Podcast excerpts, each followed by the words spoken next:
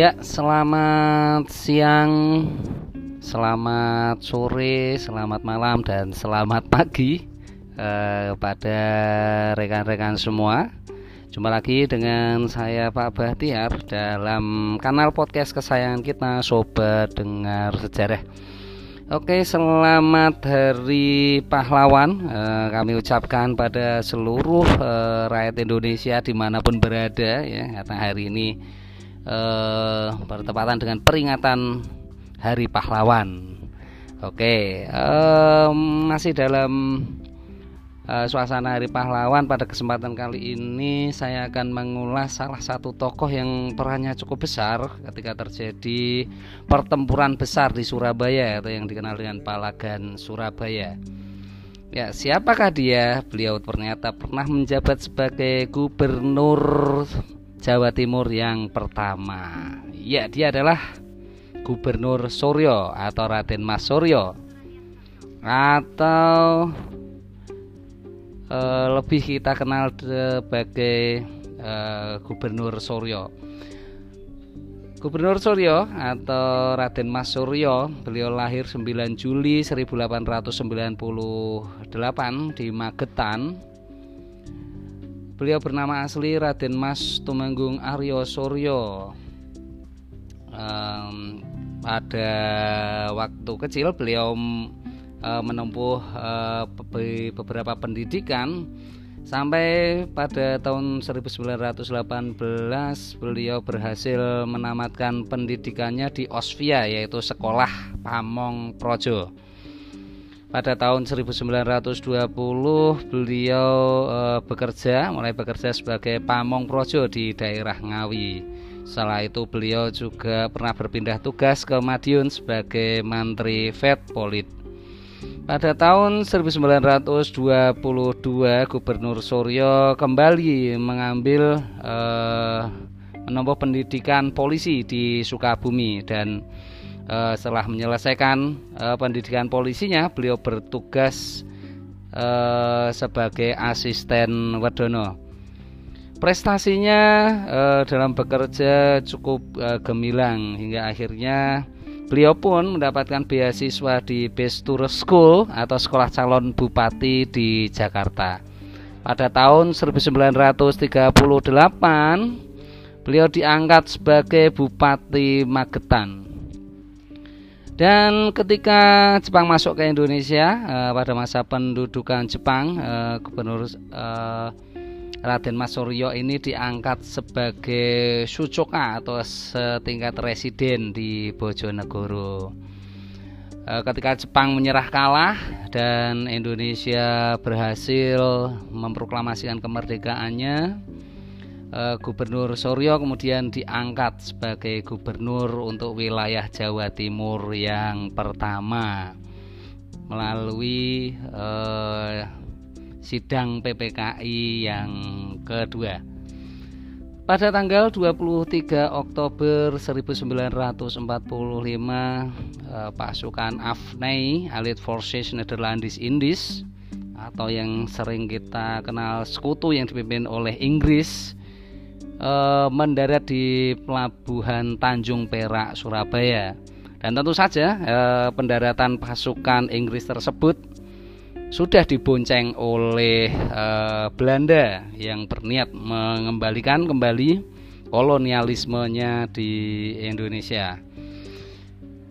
Kedatangan tentara Inggris uh, menurut tugasnya adalah melucuti persenjataan tentara Jepang yang sudah uh, menyerah kalah. Dan ternyata uh, di sini Belanda dengan kelicikannya ya, mulai masuk ya menggunakan uh, pasukan Inggris ini ya uh, sebagai alat untuk masuk ke Indonesia dan mendirikan uh, pasukan yang dikenal dengan Netherlands Indies Civil Administration atau NICA untuk melindungi kepentingan Belanda yang bertujuan menjajah kembali. Oleh karena itu pada tanggal 28 sampai dengan 30 Oktober 1945 terjadilah bentrok ya antara tentara Inggris dengan uh, arek-arek Surabaya. Bentrokan tersebut ternyata uh, menyebabkan terbunuhnya komandan pasukan Inggris Jenderal AWS Malabi yang sudah kita ulas sebelumnya ada podcast sebelumnya pertempuran uh, 10 November di mana Jenderal Malabi tewas. Inggris pun uh, tidak terima dan uh, segera mengultimatum agar semua rakyat uh, Surabaya yang memegang senjata menyerah bahkan termasuk dengan para petinggi-petinggi Republik Indonesia. Paling lambat adalah tanggal 10 November 1945 pukul 6 waktu Indonesia Barat. Dan jika tidak diindahkan ultimatum tersebut, kota Surabaya akan digempur baik melalui darat, laut maupun udara. Uh, upaya damai yang sudah di diupayakan oleh pemerintah pusat eh, ini tidak berarti lagi eh, karena antara Inggris sudah eh, diliputi kemarahan dengan tewasnya komandan pasukan Inggris dan pemerintah pusat kemudian menyerahkan keputusan tersebut kepada gubernur Suryo selaku gubernur untuk wilayah Jawa Timur dan Gubernur Suryo saat itu segera mengadakan perundingan dengan unsur-unsur TKR dan tokoh masyarakat yang ada di Surabaya. Selanjutnya pada tanggal 9 November 1945 eh, melalui corong radio dengan tegas Gubernur Suryo menyampaikan pidatonya dengan berapi-api bahwasanya eh, beliau menolak ultimatum eh, Inggris untuk menyerahkan senjata dan tanda menyerah dan keesokan harinya pasukan Inggris dengan artileri beratnya menggempur uh, kota Surabaya dari darat, laut maupun udara. Pertempuran tersebut berlangsung sengit uh, bahkan sampai uh, makan waktu hampir tiga minggu. Nah, pertempuran besar itulah uh,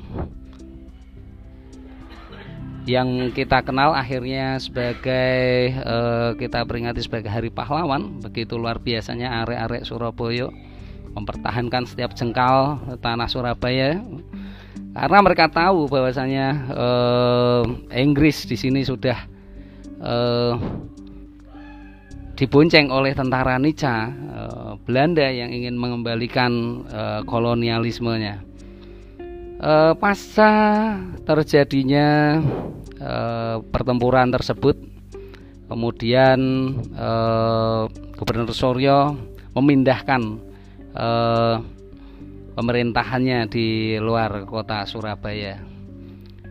Dan pada tahun 1947 eh, gubernur yang hebat ini eh, sempat diangkat sebagai anggota Dewan Pertimbangan Agung.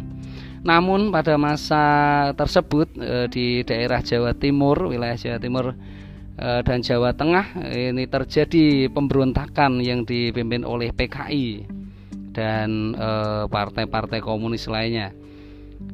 Dan naas pada tanggal 10 November 1948 saat beliau melakukan perjalanan dinas e, dari Yogyakarta ke Madiun, beliau diculik oleh gerakan PKI Madiun dan e, beliau kemudian e, dibunuh oleh gerakan tersebut. Empat hari kemudian eh, jenazah Gubernur Suryo ditemukan. Beliau kemudian dimakamkan di Magetan, Jawa Timur.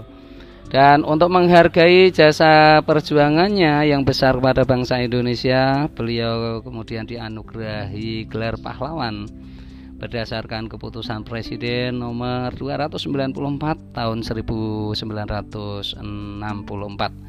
dan e, pada tanggal 17 November 1964 Gubernur Suryo resmi bergelar pahlawan Indonesia. Dan untuk mengenang jasa Gubernur Suryo pemerintah daerah e, membangun monumen Gubernur Raden Mas Suryo sebagai Gubernur Jawa Timur yang pertama. E, salah satu uh, ucapan beliau yang cukup populer uh, adalah ucapan selamat berjuang seruan Gubernur Suryo kepada rakyat sesaat sebelum pertempuran Surabaya pada tahun 1945. Eh, apa nilai-nilai yang kita bisa petik dari sosok Gubernur Suryo ini? Gubernur Suryo ini walaupun eh, beliau eh, menempuh pendidikan ya, pendidikan yang diselenggarakan Belanda namun hatinya tetap nasionalis namun hatinya tetap Indonesia.